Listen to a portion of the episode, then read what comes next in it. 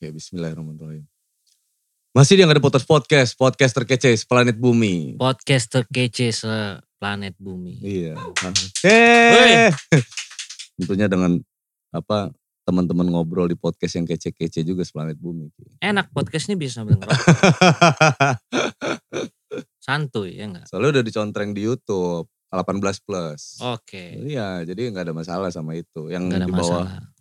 18 nggak bisa nonton. Nonton anak-anak aja. Ya, tayangan anak-anak. Ini dalang, bukan dalang pelo gitu. gila ya. Jadi gini ceritanya, gue itu belakangan, eh sebulan yang lalu tuh ditelepon-teleponin orang-orang. Telepon-teleponin orang-orang, Kenapa? berdering-dering. bertanya banyak bertanya. Semuanya nanyain lu ya kan. Ngetop lah Jadi gue gue nih nggak tahu bang. Gue nggak tahu ceritanya. Gak tahu gue gimana. Gue bilang kan itu bikin udah heboh lah ya. bikin heboh. Jadi ditanyain teman-teman ki, ada apa sih nggak, ada apa sih nggak gitu. Dep, sebulan yang lalu,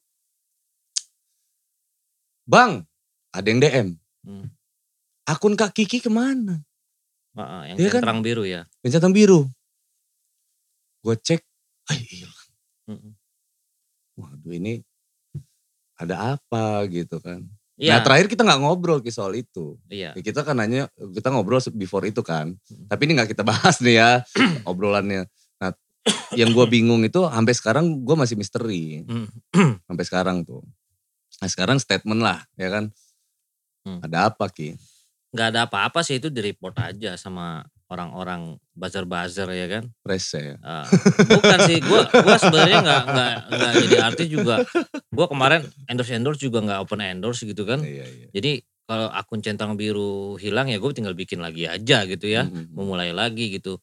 Cuman yang eh gua kemarin itu ada ada sebuah bukan masalah sih ya, tapi gua harus menyuarakan. Iya. Kalau enggak ada oknum yang ngerasa kebal hukum, Iya, iya. Nah, membawa nama-nama satu institusi Iya. karena kenal salah satu dua oknum, Mhm. akhirnya memanfaatkan keadaan, Hmm. mengaku-ngaku asetnya negara dan Hmm. ini nggak boleh diteruskan. Mhm. nggak boleh dibiarkan. Hmm. Nah mungkin gue terlalu frontal kemarin Iya. itu. Karena satu orang ini, oknum ini pernah punya masalah sama gue di masa lalu ya kan. Hmm. Memfitnah, Hmm. naik gara-gara eh, ngomongin orang gitu kan. Hmm. Gue dibilangin nyinyir pada saat Hmm. itu. Ya nggak pada, nggak nggak nggak nggak bukan Hmm. masalah bagi gue Mhm. ya kan. Tapi akhirnya masyarakat sekarang Indonesia tahu bahwa eh, seperti ini loh Hmm. gambarannya orang ini. Mhm. Orang bisa menilai sekarang dan nggak apa-apa. Hmm. kalaupun kalaupun Instagram gua hilang, ya Hmm. itu resiko dari menyuarakan bagi gua. Iya, iya. Dan bukan masalah yang berarti banget buat gua, karena Hmm. gua tinggal bikin lagi. Ada yang bilang ada influencer yang bilang, "Eh, followers lu dikit ngaku-ngaku artis." Dia belum nggak ngikutin gua. Followers Hmm. gua ya lumayan kemarin ya kan, Mhm. yang hilang itu. Gitu. Jadi kenapa yang terverified itu eh di banned ya gua karena terlalu agak kasar ya, Iya, mungkin ya kemarin ya, untuk menurut pandangan dari Instagram. Iya. Padahal sih gue nggak nggak gue pakai kata-kata kiasan, cuman karena terlalu banyak yang report, Mhm. mungkin ketakutan, a- ketakutan akan suatu hal, ya, dan akhirnya mereka mereport rame-rame gitu. Gue dapat peringatan tuh enggak berapa Hmm. kali, tapi gue bandel aja. Oh lu udah diperingatin? Wah, peringatin. Yang peringatin tuh Instagram? Instagram. Oh. Wow, berkali-kali gue, tapi gue Serius? serius. Ada ya? Ada. Ada kali 10 kali gue diperingatin. emang emang Eh, ya ya itu lu harus rela berkorban kalau lu menyuarakan kebenaran. Iya. iya. gitu loh. Nantinya orang bakal tahu kok siapa yang benar, siapa yang salah gitu. Kita bukan cari pembenaran gitu kan. Hmm. Dan intinya adalah eh gua kemarin sempat juga dipanggil enggak Hmm. sama salah satu petinggi lah Hmm. dari pihak kepolisian. Ini Hmm. ada apa masalah ini? Iya, iya. Nah, maksud saya bukan untuk menyerang institusi. Hmm. Karena orang-orang ini bawa nama institusi sok Hmm, kebal iya, gitu iya, kan. iya. Ada apa? Oh dia bilang nggak ada. Beliau Hmm. bilang nggak ada. Kita nggak backup backup orang ini Hmm. gitu. Nggak backup backup Hmm. orang ini gitu. Nggak ada mau backup Hmm. kita semua. Nah kata gua jangan masalahnya netizen menilai masyarakat menilai orang ini kok kok nyerocos Iya, terus kan iya, kayak iya. kebal hukum gitu. Apakah Hmm. dilindungi? Hmm. Gua tanya nggak ada. Hmm. mereka juga nggak kenal. Ada mungkin satu dua oknum dia kenal, Iya. gitu kan. Tapi juga nggak nggak serta merta dia dia dia mau membackup Iya, gitu kan. iya, iya. Karena semua Kenal belum tentu membackup maksudnya. oh kan. iya dong. Kalau salah ya salah. Iya, iya. Nah, si oknum ini, si oknum Iya, yang iya. merasa kebal hukum ini, Nah, ya kita sebut saja namanya N lah ya kan. ini merasa selalu arogan ya kan. Iya, iya. Semua diserang nih, satu demi satu tokoh diserang dia nimbrung ke sana, nimbrung ke sini. Nimbrung. Kita tahu backgroundnya. Hmm, Pada saat itu di The Potter di eh, album pertama, hmm, eh, dia coba cari-cari panggung pamor dengan Hmm. memfitnah hmm, cara-cara seperti itu, hmm. ya kan? Kok ke sini keterusan Iya. dan ini harus di stop. Kalau dia mau berkarya, silakan berkarya. Hmm, Kalau dia mau bikin album, silakan bikin album. hmm, Tapi jangan pernah nyenggol orang, apalagi membawa nama-nama orang-orang Hmm. yang dikenalnya, hmm, gitu loh. Terus juga ada oknum teman-temannya yang mendukung, mensupport seolah-olah hmm. seolah-olah baik di mata netizen. Nah ini Hmm. harus di stop. Demi mendapat pujian. Kalau nggak jadi kuil aja aku nih gelo ya kan. Puji-puji, puji-puji gitu kan. Kuil. Heeh, tapi di belakang itu berstrategi Iya, bagaimana betul. menjatuhkan orang. Dan itu harus kita stop. Dan masyarakat harus melihat terbuka matanya. Kita balikkan dunia entertain seperti dulu lagi. Iya, iya. Itu loh maksud gua. Jangan sampai satu nama institusi jelek gara-gara ok- oknum ini ngaku-ngaku. Gua sempat dipanggil gua. Gak usah kita perlu ceritain lah Hmm, eh, siapa pejabatnya gitu kan. Hmm. Kenapa bisa seperti ini? Kenapa bisa seperti itu? Kenapa bisa seperti ini? Ya kan? Ya gue jelasin. Maksud gua bukan tujuan menyerang institusi. Sekali lagi, hmm. Gua mau membuka mata masyarakat bahwa satu institusi kita Hmm. tidak membela orang ini Iya, iya, iya. gitu. Yang salah tetap salah. Kenapa? Dia ngaku-ngaku. Hmm, Rusak dong bangsa ini kalau kalau dia beranggapan netizen beranggapan orang ini satu kebal hukum. Kok nggak mempan-mempan begini? Katanya eh, polisi ada yang melindungi. Iya. Kita kan mau mau mau menyelamatkan institusi hmm. yang kita cintai, Polri ini gitu kan. Gitu. Jangan sampai gara-gara ini orang ya mungkin males kali ya. Orang dikiranya kebal hukum, nggak ada kebal hukum. Hmm. Gue sampai dilaporin polisi. Dua. Iya, lu, lu berapa kali? Dilaporin. Berapa kali gue dipanggil Hmm, kepolisian. hmm. Ya memang unsurnya itu dia yang dipanggil gue yang deg-degan gitu. Iya, gue bilang gue nggak takut sama sekali. Gue kenapa gue diam di Instagram yang baru, hmm, jarang ngomong kan masalah. Masa mau tiap hari balas ini men? hmm, iya. Gitu Habis kan. hidup yang ngurusin. Abis itu. gitu, kita kan juga butuh kerjaan, Hmm, hmm. gitu kan. Gue bilang orang-orang oknum-oknum seperti ini, sel- selebgram seperti ini, atau artis yang oknum seperti ini, ini nih tidak sadar akan nasib ke depannya netizen-netizen ini, Hmm. bangsa-bangsa. Dia selalu bikin gaduh, selalu fitnah orang. Hmm, ya selalu merasa dirinya benar. Coba kita introspeksi diri dulu, berkaca diri. hmm, Kalau gua bersuara dibilang belum move on. iya. Kalau gua lantang dibilang nyinyir. Terus lu difitnah mau diem aja gitu terus 10 tahun, 15 tahun, 20 tahun lu kita berhak juga bersuara dan kita juga punya media sosial juga untuk mencontohkan eh, berimbang jadi balance Hmm, gitu kan. hmm. Nah, orang mungkin nggak mau ngeladenin orang ini, oknum ini, karena oknum mungkin malas kali artis-artis lain. Iya. Karena agak begini, gitu kan? Agak begini, gitu kan? Agak begini. Nah itu tadi. Tapi kalau lama-lama kita diam, lama-lama kita Hmm. tidak bersuara, orang ini akan menjadi jumawa dan merasa di atas angin terus, gitu. Tapi lu hebat juga ya Kia. Dapat dapetan aja itu video-video itu. Bukan sih, sebenarnya itu saya cuman eh, meneruskan aja. Yang dapat itu bukan kita. Saya nggak tahu yang dapat siapa. Yang hebat tuh orang itu, gitu kan. Saya emang nggak hebat, guys. Cuman kan Lu dia melaporkannya, melaporkannya illegal access. iya iya iya. Hah? Hmm. Emang gue pernah lihat handphonenya. Iya benar Hah? benar benar. Heeh. Dia gue posting foto begitu, mereka Hmm. beranggapan eh, itu handphonenya di gua. Gue ketahuan, gue ditanyain sama polisi, yo cari dulu handphonenya. Gue bilang, Iya, iya. Karena siapa tahu alat- handphone siapa? Alat bukti kan. alat bukti, Iya, ya kan cari iya. handphonenya, sampai dapat. Iya. Suruh pelapornya. Heeh. Siapa tahu bukan chat dia. Mm-mm. Siapa tahu kan, nah gitu loh. Mm-mm. Jadi gua di sini bukan yang menjebol akses, Iya iya. ya kan? Dan polisi pun kaget penyidikan. Oh, berarti Ya kalau mau nyebarin ya tangkap dulu ya kayak stasiun TV yang nyebarin itu, Iya. ya kan?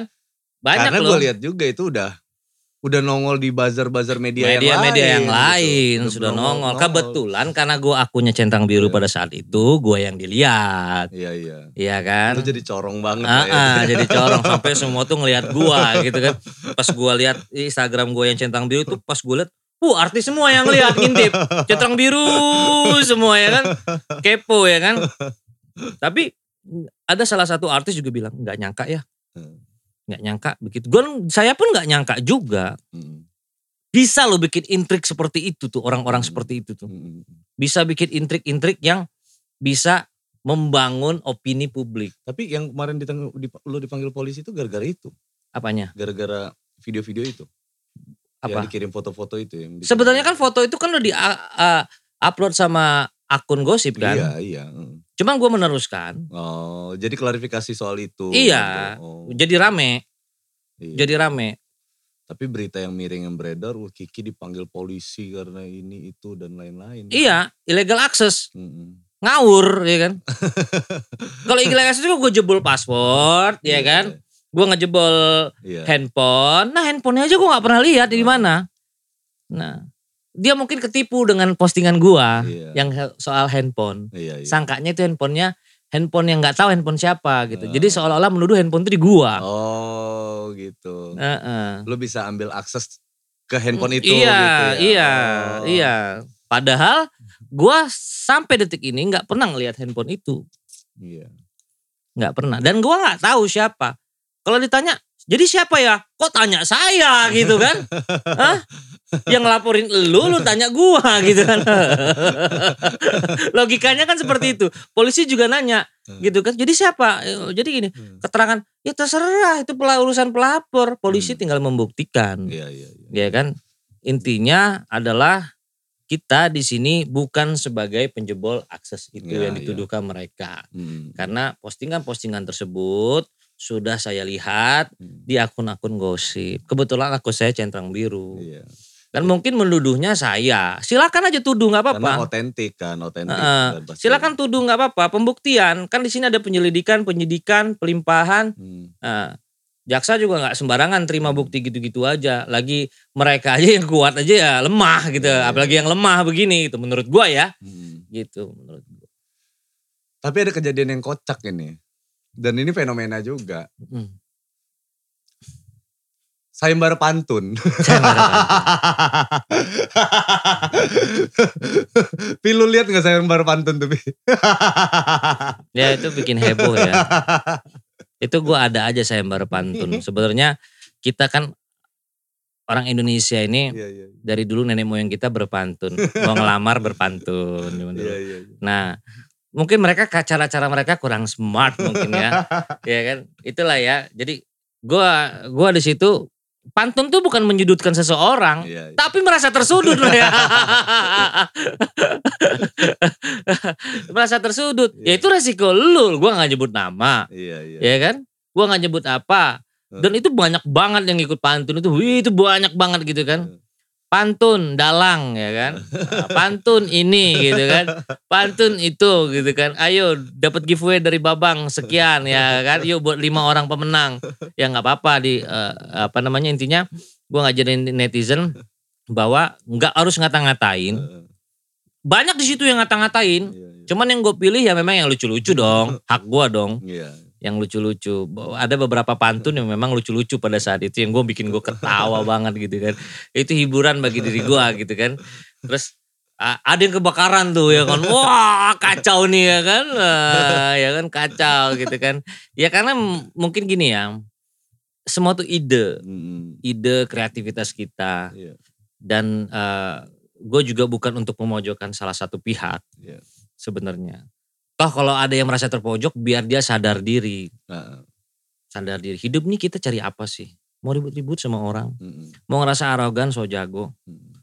Gua kenal banyak petinggi dan beberapa kali nyanyi di acara yang orang yang ada pangkatnya. Mm-mm. Nggak sombong kok, Mm-mm. menghargai sesama, apa pun profesinya menghargai. dia mau banyak duit ya kita nggak nggak ada apa-apanya mungkin sama orang-orang itu gitu kan. Iya. Tapi bisa mereka itu bisa ya ngobrol bareng kita. Nah, itu kan satu jadi jadi jadi contoh bagi kita kan. Mm. Dan ini pangkat nggak punya, ya kan? Iya, iya. Kelakuan bad, misalnya ada oknum seperti itu. Hmm. Terus mau show off bahwa gua ini adalah aset negara. Gua tanya sekarang aset negara itu seperti apa sih? Mm. So, Prestasi, musik, budaya di seni, olahraga, mm, ilmu pengetahuan. mm. Bukan ribut-ribut terus lu buka kancing satu gitu kan. ya kan? Kalau begitu juga orang juga bisa gitu kan semuanya kalau kalau begitu kan oknum-oknum. Nah ini rusak bangsa ini kalau kalau diteruskan orang-orang seperti ini gitu kan. Mm, Terus joget-joget di, di, di TikTok gitu misalnya kan. mm. Gitu kan. Mau gimana orang yang berkarya setengah mati kayak Papi Ero tuh di sebelah sana kan. Woi setengah mati bikin itu produksi segala macam nggak dilihat. Karena dilihatnya orang-orang begini nantinya. Jangan dibiasakan begitu. Nah gue tuh maksud tujuan gue begitu. Biar apa? Biar orang yang berakting di sinetron, film, terus bahkan zaman sekarang ini ada yang bilang oh jadi artis gampang sekarang. Sensasi aja. Viral, Iya. marah-marah di TikTok. Ya kan? Terus apa? Buka kancing satu di TikTok, Mm, viral. Terus dipanggil TV. Dipanggil podcast sama orang-orang. mm. Nah, itu mindsetnya udah sampai ke sana Iya. hari ini gitu kan. Terus yang berkarya kayak orang-orang kayak anak band, kayak pemain sinetron nggak dilihat, nggak dilirik. Sementara mereka capek ngebangun itu begadang sampai pagi, Mm, mm. berpikir gitu. Ini kita kalah sama orang-orang yang istilahnya mindsetnya nggak berpikir ke depannya. Mm, mm. Nih ya teman-teman ya guys ya generasi milenial, lu kalau berbuat sesuatu itu ada jejak digital. Iya. Manusia itu istilahnya kita ini semua punya salah. Mm. Nah, jadi ketika lo mau posting sesuatu tuh lo mikir Hmm. apa yang terjadi ke depannya sama diri lo, dampaknya. Pada saat itu video itu sudah bergulir, sudah diposting dan dilihat banyak orang, itu nggak bisa dihapus guys. Ya, karena udah nyebar. Sudah nyebar dan jadi jejak digital lo Hmm. di masa depan. Jadi kalau kalian berpikir ya perempuan-perempuan, yang lelaki juga, gitu kan. Kalau misalnya yang yang kaum kaum hawa nih ya teman-teman semua mikir-mikir lah kalau posting gitu kan. Dan itu karena jadi jejak digital, apalagi kalian istilahnya ya apa ya generasi penerus bangsa gitu. Mm, Kalau nantinya lu posting itu pada saat di ke masa depan lu nyesel, nah coba dibalik gitu. Iya. Kalau gue posting ini gimana ya ke depannya? Iya. Gimana kalau gue nanti punya suami? Gimana nanti kalau gue punya anak, Hmm. anak gue ngeliat. Nah seperti itu. Nah gue pengen, ya itu sih resiko masing-masing memang. Iya, iya. Cuman kita harus mengingatkan itu dan itu tujuan gue sebenarnya. Hmm. Jangan dicontoh oknum-oknum yang hanya mementingkan kepentingan pribadi. Iya. Satu menjatuhkan artis lain untuk naikin pamor dia. Ya. Satu tiap orang ada masalah ikut nimbrung. Ya. Mm, Giring opini memfitnah. Kayak gua ngomong ini, eh Maho, itu kan enak banget dia ngatin gua Maho gitu kan. Laki-laki nih ya kan. Nah, Iyalah. laki-laki nih ya kan. Mm, Laki-laki emang nggak boleh bersuara, boleh dong. Hmm. Saat ini boleh dong. Ini zaman era keterbukaan. mm. lu bilang semua kalau laki-laki tuh diem kayak Ariel Noah diem ada yang begitu netizen, netizen vokalis tuh diem beda main karakter orang beda-beda ya mungkin Ariel ya Ariel Andika kangen band ya Andika kangen band dengan caranya istilahnya eh, banyak banyak ininya Mm. Kontroversinya. kontroversinya gue dengan cara seperti ini semua punya karakter masing-masing kalau lu samain suruh sama semua orang dengan maunya lu Mm. orang nggak punya karakter nantinya Iya. Dan yang satu karakter yang berkonflik itu biar sadar, ayo sih berkarya, ayo sih kita, eh gue bukan cari ribut ya. Toh kalau Ostu Oknum itu berkarya dan bikin karya bagus, bisa berprestasi buat bangsa ini, buat dirinya, kita acungi jempol. Yang lalu, Mm. yang fitnah-fitnah, biarin aja udah, maafin Iya. aja udah. Siapa tahu sadar begini. Karena nyawanya masih ada di kandung badan kan. Asli. Nah, kalau kita ngingetin orang nyawa bukannya belum move on ya mohon maaf ya mohon maaf ini teman-teman ya mohon maaf ya saya laki-laki ya Nah, ya saya juga mau kehidupan eh, saya mau nikah gitu saya udah punya calon gitu bukan untuk itu ini semata-mata peduli kalau move on mah guys cewek banyak guys. Iya dong. ya bukan kita sok kegantengan ya istilahnya laki-laki. Ya mungkin mungkin orang-orang seperti ini beranggapan bahwa wah di disenggol atau di apa. Udah kepedean tuh ya Iya, kan? iya. itu aja. Bakal rame nih. bakal rame nih pansos nih segala macam. Enggak gua nggak ada tujuan buat itu nggak ada sama sekali. Mm-mm. Terus dengan apa kondisi lu nyesel gak sih akun hilang? enggak sama sekali enggak Enggak. Oh saya. karena satu sisi lillahi ta'ala gue nggak nggak nggak gue Iya, ini hidup nih apa sih Ini kan statement lo kan, bagaimana dengan dengan dengan lo eh, kondisi akun hilang gitu kan. Nah ini kan statement kan, nggak menyesal berarti kan? gue tuh hilang rezeki bukan hilang ya belum belum rezeki lah ya Iya. kalau hilang rezeki ya nggak mungkin lah udah diatur rezeki sekitar 200 jutaan lah itu karena salah satu ada yang mau mau ada salah satu aplikasi yang mau kontrak gua Mm-mm. per bulan selama enam bulan dan lumayan tuh ha- ha- ya lumayan lah buat Mm. beli-beli handphone baru gitu kan Karena kan prestis kan, prestis, Mm-mm. prestis banget. dan itu nggak masalah buat gua rezeki gua nggak di situ di bidang lain Nah setelah akun centang biru itu hilang, menurut lo gitu, eh jadinya ah ternyata nggak penting juga ya ada centang biru atau nggak centang biru kan banyak juga ki akun-akun besar yang nggak ada centang biru ya kan banyak juga gitu. Itu ternyata jadi kayak gimana menurut lo? ya centang biru itu prestis sih Hmm. kalau artis centang biru dong gitu Iya, kan kata iya, orang kalau sementara centang biru itu gampang sekarang otentik aja Iya, terhubung. lah terhubung lah sama ini dia pengacara bisa Hmm. centang biru nggak hanya artis saja profesi apa pun di situ kan ada pilihan-pilihannya Iya, dia iya. musisi Iya. dia moderator apalagi. Hmm. dia pemain sinetron Bahkan ada yang nggak nyampe sepuluh ribu, di sudah dua cen- ribu eh, aja. dia produser ya kan memang otentik gitu. otentik itu dia dan itu misalnya kayak untuk endorsement yang masuk itu otentik dan mau Iya. gitulah ya kalau gua pas kehilangan ya udah mau apa nyawa aja bisa hilang kok Iya. dalam sekejap Apalagi cuma akun ya. Lagi cuman akun santai aja kali Seru ya. Seru ya. iya Nah ini eh buat nutup podcast nih Ki. Wih cepet banget ya di podcast kata dia. eh ke depannya apa nih plan lu untuk eh untuk giatnya dunia entertain nih ya kan? Tanggapan lu lah soal soal dunia hiburan saat ini gitu. rokok dulu ah. Ngerokok dulu lah. tanggapannya buat? Dunia hiburan saat ini yang lu lihat kan dunia hiburan ini kan agak-agak apa bergeser ya bergeser. Maksudnya tapi kalau gua ngelihatnya sih sebenarnya kita harus eh, adaptasi gitu kan adaptasi dengan banyak hal gitu. Bukan bermaksud ikut-ikutan ya. Iya yang gua Eh, lihat sih hmm, sebenarnya kita ini kalau mau personal branding boleh lah Iya. sekali-sekali itu menaikkan pride. Gua tau lah dunia entertain bagaimana. Cuman nggak melulu harus itu. Iya. Karena gua lihat ya ada oknum-oknum selebgram kita teman-teman dari kita itu asik dengan dengan cara-cara begitu. Mm-mm. akhirnya memaksakan diri iya. begitu nggak ada duit pusing. Iya. Ya kan? Banyak teman-teman juga kayak gitu nggak? Mm, karena biaya, biaya hidup ini sebenarnya nyantai aja sih. Mm. ya kan? Cuman yang yang, yang biaya hidup ini ya ya ya nggak terlalu mahal menurut gua. Iya. mahalnya apa coba? Biaya pamer.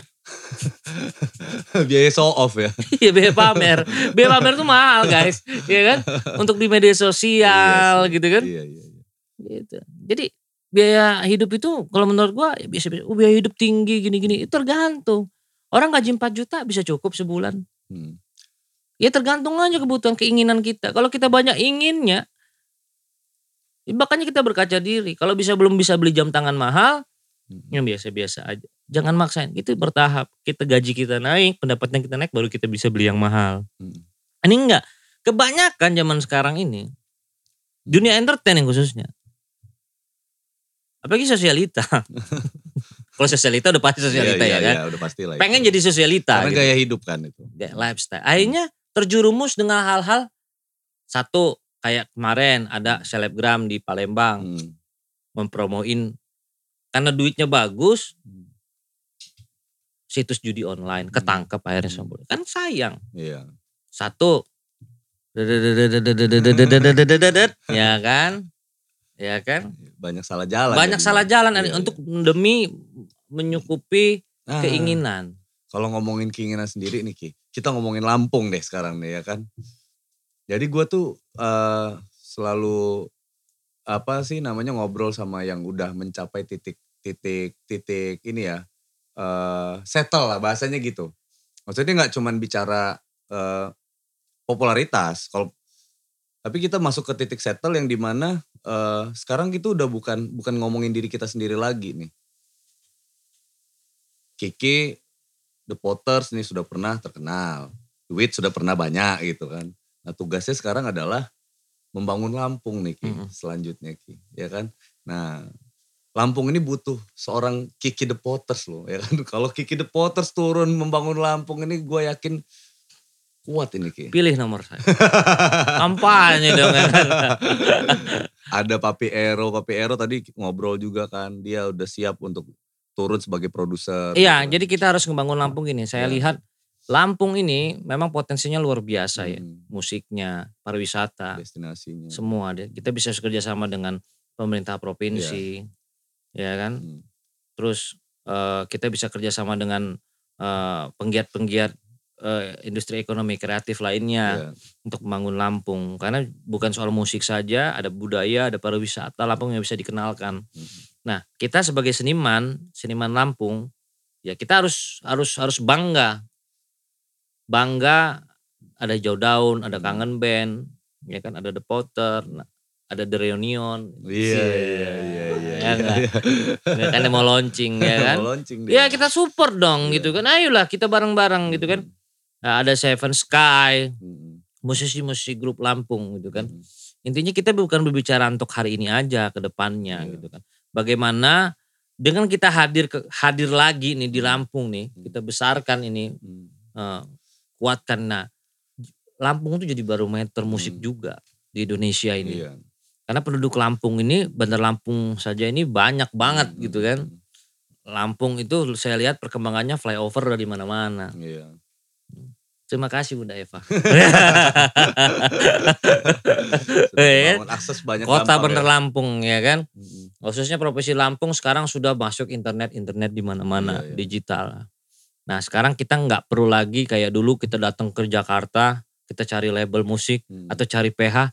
Cukup dengan kamera, hmm, kita punya ide kreatif, cukup dengan home studio musik, hmm, dengan hasil yang eh, dimaksimalkan, iya, asal karyanya bagus itu dapat diterima. Karena banyak di daerah-daerah di Jawa sendiri yang saya lihat iya. musisi-musisi daerahnya sampai ratusan juta viewersnya. iya benar benar itu. Kenapa Lampung nggak bisa? Ayo dong, bangun dong. Ayo kita kita bersatu dong, gitu kan? Bersatu dong. Kita yang kayak gua nih ya udah 12 tahun di industri musik, ya gue siap nih mengasih pemikiran. Hmm, Nah, lu harus begini, harus begini, harus begini, harus begini. Di eranya sekarang gitu. Hmm. Karena kita kan kita masuk dulu transisi ya, digital dan fisik. Iya, Kita di tengah-tengah. iya transisi gitu. Transisi maksudnya. Tapi gue ngerasain kaset dan CD The Potters tuh laku. Iya, Karena dulu masih bisa monopoli guys. iya. Kita tampil di sini, tampil di TV. Sekarang nggak bisa. TV pun terima artis, terima band, terima musisi itu yang udah viral duluan ya. di Spotify. Peringkat berapa? Iya kan? followers, subscribers, Iya, nah itu ditanya. iya. Pasti. Jadi kita harus membentuk diri di karakter diri kita dulu, baru bisa kita keluar Iya, iya. sekarang. Kalau dulu kan keluar dulu, wah berjuang, naik bus, berhati-hati. Kalau sekarang nggak, kreatif. Dari- Daripada lu jajan yang enggak-enggak gitu kan, beli apalah, beli minuman, beli alkohol, anak muda dulu ngapain ya kan. Tabungin, beli kamera bagus, beli alat properti yang bagus untuk mendukung karya musik lo, bikin, berkarya ya. berkarya. Iyalah. Insya Allah jadi hasil, aset digital. Jadi sangat memungkinkan ya Lampung ini akan masuk ke era kejayaannya dulu. Kembali seperti dulu nih ya. Ya daerah lain aja bisa kok, Iya sih, apalagi kita. benar benar. Dan lo siap support lah ya untuk itu ya. Hmm. Gue ini kayak berjuang sendirian tau gak lu? ya. Gua, gua tuh, gue yakin sama Angga. Dulu dia dibilangin orang gila, bikin-bikin begini. Adalah salah satu orang, ah, Angga ngapain sih Angga tuh bikin-bikin podcast? Akhirnya yang ke sini datang pejabat-pejabat ya kan. Nah itulah buah dari kesabaran ya. Seben- Sebenarnya sih salah satu konten yang Hmm, bagus, banyak ditonton ya udah. Iya. eh, podcast lu terkenal gitu kan. Atau eh, apa citra yang lu bangun Iya. bakal dilihat orang Hmm. gitu kan. Ini kan baik ya kan. Kenapa nggak sih kita dukung? Iya betul. Musisi Lampung banyak berkarya, banyak banyak eh, bikin-bikin gue lihat ya Hmm. konten-konten kreatif bagus. Mm-mm. Ya muncullah youtuber-youtuber baru ya kan. Sekarang ini tugas kita tuh mengkoneksikan sih sebenarnya menghubungkan teman-teman semua kreator-kreator, musisi-musisi enggaknya di ya terhubung aja gitu. Nggak nggak harus berkumpul sih sebenarnya terhubung. Hingganya kalau kita mau ngapa-ngapain kayak papi tuh, mau launching dia tinggal telepon. Nggak, ngevlognya di sini. Nah, gitu karena terhubung kan. Semudah itu gitu dan kita langsung oh iya iya support support support support gitu kan. Ya, itu aja sih tugasnya. ya jadi gini. Ini ada gue mau kasih Hmm, ini sedikit nih. Industri musik Korea hmm, itu maju kenapa? Karena konsisten. Kalau kita ini kan enggak, kadang-kadang oke kita bukan ngejelekin diri Iya, kita ya.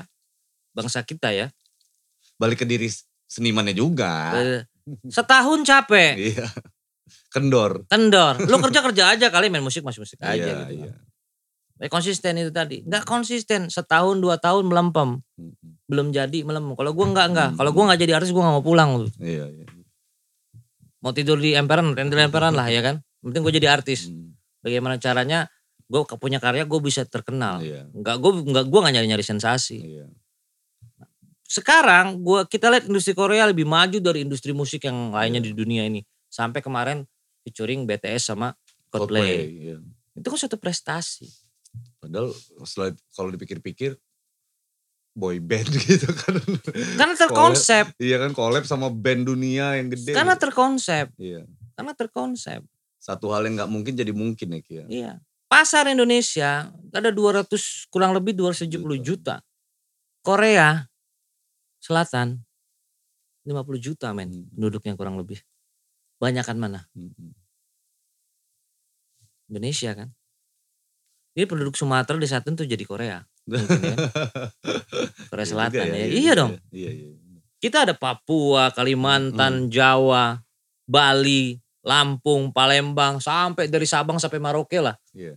Itu berapa? Hmm. Kita nih bangsa pangsa pasar kalah. Coba sehari nggak nonton musik luar negeri. Pusing tuh balak musisi luar negeri sama Indonesia. Iya. Karena pasar di sini Luas. Banyak, Banyak. kita cuman gini ya. Lagu dari 270 juta rakyat Indonesia, industri musik. Cuman butuh berapa persen nggak balik modalnya? Iya, benar. Satu persen penonton doang, Iya. 2,7 juta. Balik modal itu. Hmm. Sudah punya fanbase 2,7 juta, satu persen doang dari Hmm. penduduk Indonesia. Alangkah banyaknya yang bisa dieksplor negara ini. Mm-mm. Lu punya hater hater 100 ribu, Mm. Nggak masalah lu perang-perang aja. Mm. Yang bela lu 2,7 juta. Mm-mm. Nah sedangkan kenapa mereka industri musik Korea maju? Karena mereka mau sana pakai bahasa Indonesia. Uh orang fans Indonesia seneng. Mm. Karena menghargai bahasa. Di sisi itu sudah merebut hati pasar Indonesia. Iya. Dan itu apa bagi bisnis, bagi negaranya. Apa mereka dagang produk handphone Mm-mm. laku. Dagang produk baju fashion. Aku, iya. Budaya mereka terkenal. Iya. Sekarang siapa yang nggak suka film Korea? Drakor. Drakor. Awal dari film. Musik Korea. Iya. Gue suka BTS lagunya Dynamite. Mm. Itu asik. Dynamite. Gue paling suka tuh lagunya. Itu musiknya asik, pas semuanya nyanyinya. Dan mereka itu terkonsep. Mereka ditempa bertahun-tahun. Sampai dipersiapkan benar-benar matang. Baru dilaunchingkan dan itu konsisten bertahun-tahun Iya. Korea itu. Nah Iya, kita iya, iya. kita kita nggak usah berpikiran jauh lah Kakak. Kita memulai aja dulu Iya. bangsa Indonesia ini. Mulai aja dulu lah ya. Mm-mm, mulai aja dulu. Kalau Korea, kalau nggak ada karya, dihujat, lu nggak jadi artis. Jadi lu harus punya karya. Mm-mm. musisi, pemain film di sana itu dianggap dewa. Salah sedikit hancur karirnya langsung. Iya. Masuk penjara sedikit hancur karirnya. Bikin sensasi sedikit hancur karirnya langsung. Itu di Korea. Mm.